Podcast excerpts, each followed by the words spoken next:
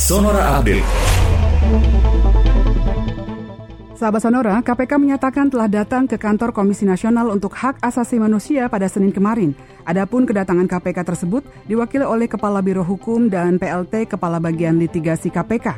Pelaksana tugas juru bicara KPK Ali Fikri mengatakan Komnas HAM telah memberikan penjelasan informasi yang dibutuhkan terkait dengan aspek HAM yang akan dikonfirmasi dalam proses tes wawasan kebangsaan. KPK selanjutnya akan membahas dan menyiapkan informasi yang dibutuhkan Komnas HAM tersebut.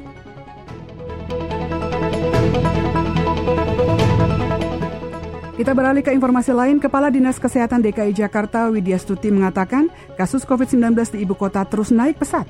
Ia menilai apabila penularan COVID-19 terus meningkat, kemungkinan penyebaran COVID-19 menuju tren yang mengkhawatirkan. Widya Stuti mengatakan penularan meningkat pasca libur lebaran, tepatnya mulai 31 Mei 2021.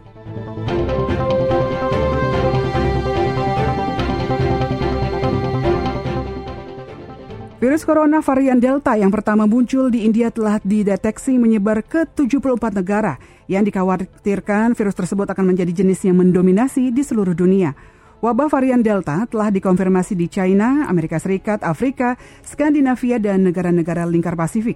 Para ilmuwan melaporkan virus corona varian Delta lebih menular serta menyebabkan penyakit yang lebih serius.